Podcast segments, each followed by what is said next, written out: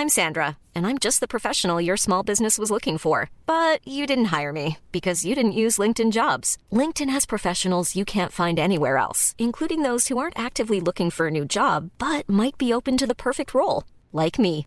In a given month, over 70% of LinkedIn users don't visit other leading job sites. So if you're not looking on LinkedIn, you'll miss out on great candidates like Sandra. Start hiring professionals like a professional. Post your free job on linkedin.com/people today. There's never been a faster or easier way to start your weight loss journey than with PlushCare. PlushCare accepts most insurance plans and gives you online access to board-certified physicians who can prescribe FDA-approved weight loss medications like Wigovi and Zepbound for those who qualify. Take charge of your health and speak with a board-certified physician about a weight loss plan that's right for you. Get started today at plushcare.com slash weight loss. That's plushcare.com slash weight loss. plushcare.com slash weight loss.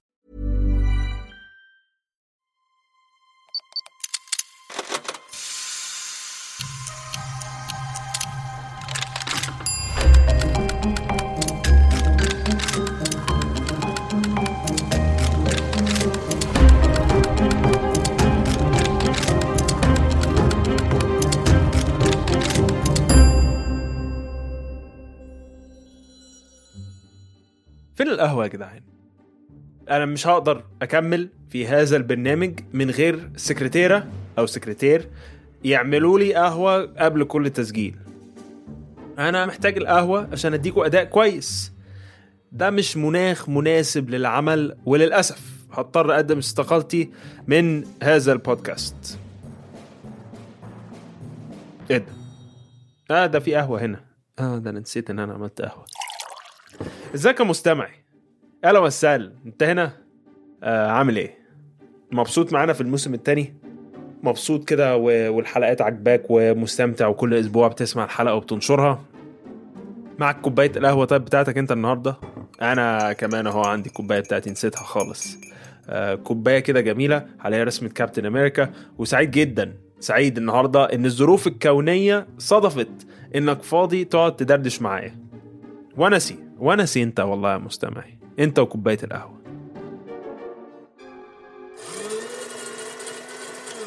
في أول حلقة من بودكاست علمي جدا كان لابد من كوباية القهوة. فضل القهوة على البرنامج زي بالظبط كده فضل الأمهات على الأبناء زي ما إحنا اتكلمنا في أول الموسم. ولكن لا تغار يا مستمعي. زي ما القهوة ويسرى المرديني ليهم مكانة خاصة في قلبي زي ما انت برضو مهم في قلبي. لكن قصة حبي للقهوة دي ابتدت من زمان قوي.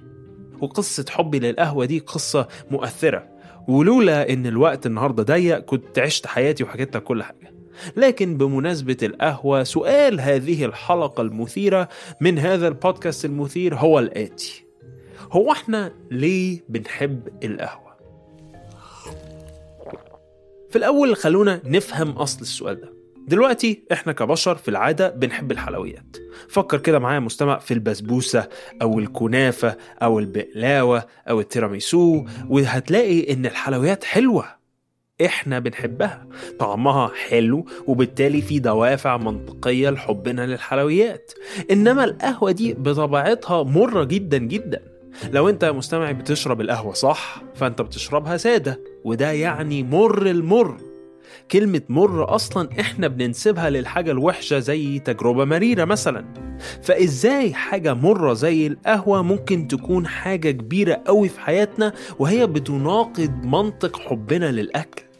فهمني يا مستمعي فاهم السؤال اللي بسأله؟ لو إحنا بنحب الحلويات عشان طعمها حلو فليه بنحب القهوة لو طعمها مر؟ شكلك متحمس تعرف الإجابة. ها الكلام حلو النهارده. فحاول بقى تاكل لك حاجة مع القهوة تدخلك في ال mood كده. naturally هقول لك تطلب شاورما بس لو عندك Kit Kat أو حاجة جنبك برضو لا حرج لأنها بتمشي حلو مع القهوة. بداية القصة النهاردة يا مستمعي هي مع ال taste buds أو براعم التذوق. أنا أنا مش متأكد يعني لو ده اسمها العلمي لكن دي ترجمة جوجل وأنا سعيد بالاسم بصراحة. إيه ده؟ لا ده استنوا ده فعلا اسمها طلع براعم التذوق. يا سلام بنتعلم حاجة جديدة هنا كل يوم. إحنا عندنا خمس حواس للتذوق يا مستمعي زي ما أنت عارف أو مش عارف عادي.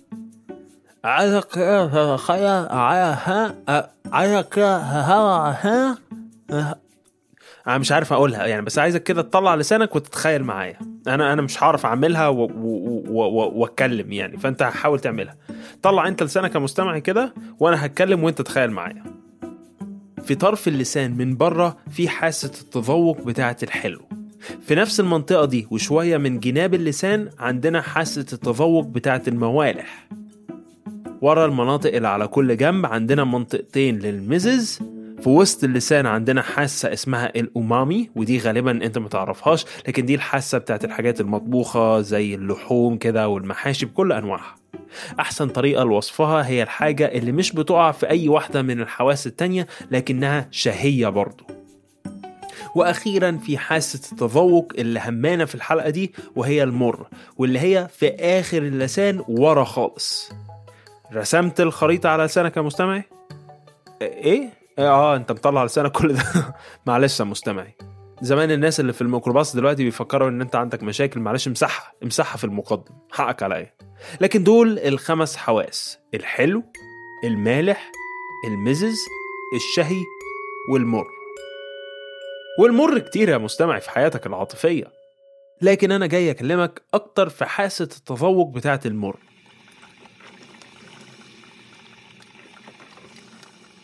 نعتقد إن تذوق المر حاسة بدأت عندنا كبشر تكون موجودة من حوالي 200 مليون سنة.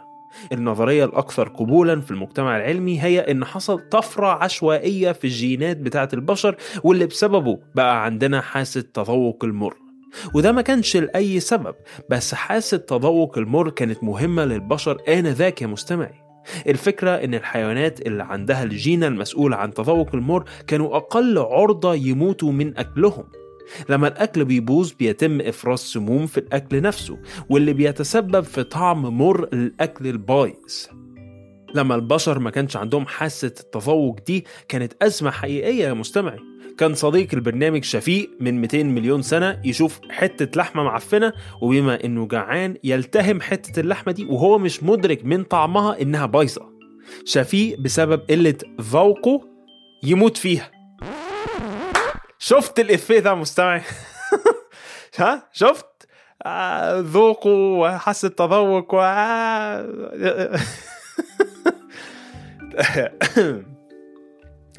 الفكرة بقى إن مع ظهور الجينة اللي بتخلي البشر يدوقوا الأكل المر البشر اللي كان عندهم الجينة دي كانوا أقل عرضة يبقى حظهم من حظ شفيق وبالتالي مع الوقت الجينة دي بقت موجودة عند أغلب البشر. يعني مش بس نقدر نحس بالمر في حياتنا لكن بقى عندنا القدرة سبحان الله إننا ندوقه كمان. أما قصة بصحيح مستمعي يا سلام!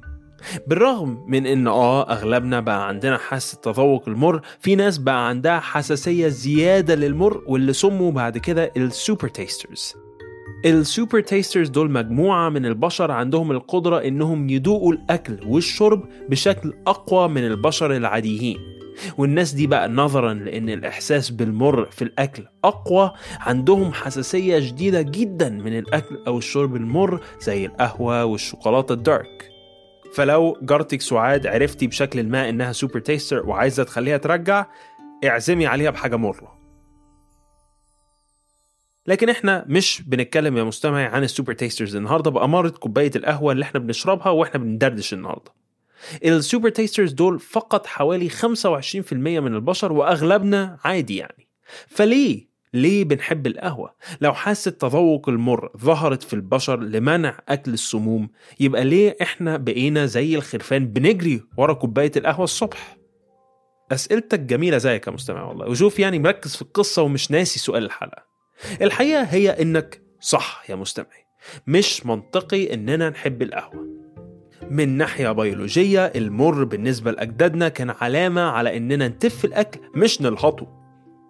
نلهطه دي كلمة يعني معناها إن أنت يعني تاكل بسرعة. في دراسة لطيفة للغاية جابوا شوية ناس وشافوا حساسيتهم للأكل والشرب المر وعلاقته بكمية القهوة اللي بيشربوها. وفي الدراسة اكتشفوا حاجة يا مستمعي أنا لحد اللحظة اللي أنا بكلمك فيها دي مش مصدقها. اكتشفوا إن الناس الأكثر حساسية للمر كانوا بيشربوا قهوة أكتر من الناس الأقل حساسية. يعني صاحبك عفيفي اللي شغال في ناسا ومسؤول عن التحكم في الأقمار الصناعية اللي مراقبة القمر هيشرب قهوة أكتر لو عنده حساسية أكتر من المر. إزاي؟ أشرح لك. عفيفي اللي بنتكلم عنه بالرغم من حساسيته الزيادة للمر إلا إنه في يوم وهو شغال في ناسا الدور الرابع جنب مكتب الحاجة ميليسا بتاعت شؤون العمال اكتشف في يوم إن عنده ملف يقدمه لرئيسه بكرة هو كتب إيه في الملف؟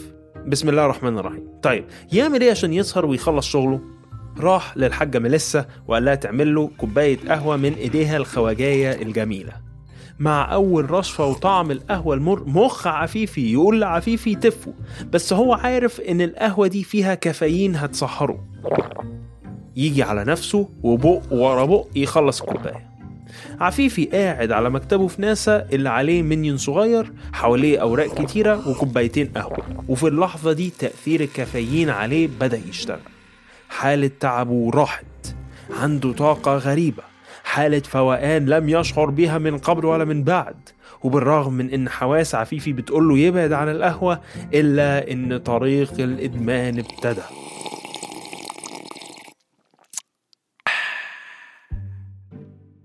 مخ عفيفي زي مخاخ ناس كتير. بالرغم من إن طعم القهوة في أول مرة أو اتنين أو عشرة تشرب فيهم قهوة ممكن ما يكونش أحلى حاجة إلا إن حالة الفوقان اللي بتيجي بسبب الكافيين هو اللي بيخلي مخك يقولك تركن حواسك دي على جنب شوية وتكمل شرب. والحقيقة هي إن الكافيين وفقا لأغلب المجتمع العلمي مادة كيميائية مدمنة. اللي حصل لعفيفي حاجة اسمها البوزيتيف reinforcement أو تعزيز إيجابي. باختصار شديد حاجة حلوة بتشجع مخك يعمل أكتر من الحاجة اللي بتحسسك بالسعادة دي. تنقذ مدينة جوثام من قرف الجوكر مخك هينسب التصرف ده للسعادة اللي حسيت بيها. وهو ده بالظبط اللي بيحصل في القهوة. بننسى المر ونفكر في السعادة اللي حسيناها لما فوقنا مش لازم الفوقان. ممكن تبقى مثلا القعدة الحلوة اللي بتقعدها مع أصحابك وأنتوا بتشربوا قهوة. أي حاجة إيجابية حصلت بسبب القهوة مخك بيربط ما بين مرار القهوة والحاجة الحلوة دي. فأنت يا مستمعي بتحب القهوة لأنها بتمثل لك سعادة. مخك يا مستمعي اللي أنت مش بتفكر فيه ده قرر من فترة إنه زي العبيط يربط ما بين مرارة طعم القهوة وحاجة حلوة. زي إيه؟ زي بودكاست علمي جدا. أوبا على الرابطة بتاعت الحلقة.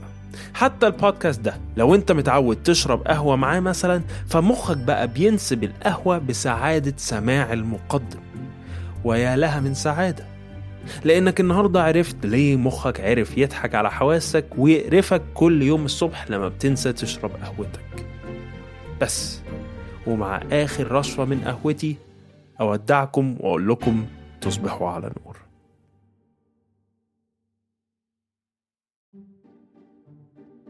إعداد وتقديم هذه الحلقة من مقدمكم شارب الأهوات.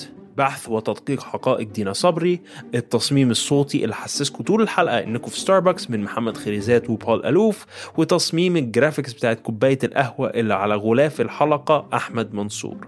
إشراف تحريري هبة عفيفي بودكاست علمي جدا من إنتاج شبكة Kerning Cultures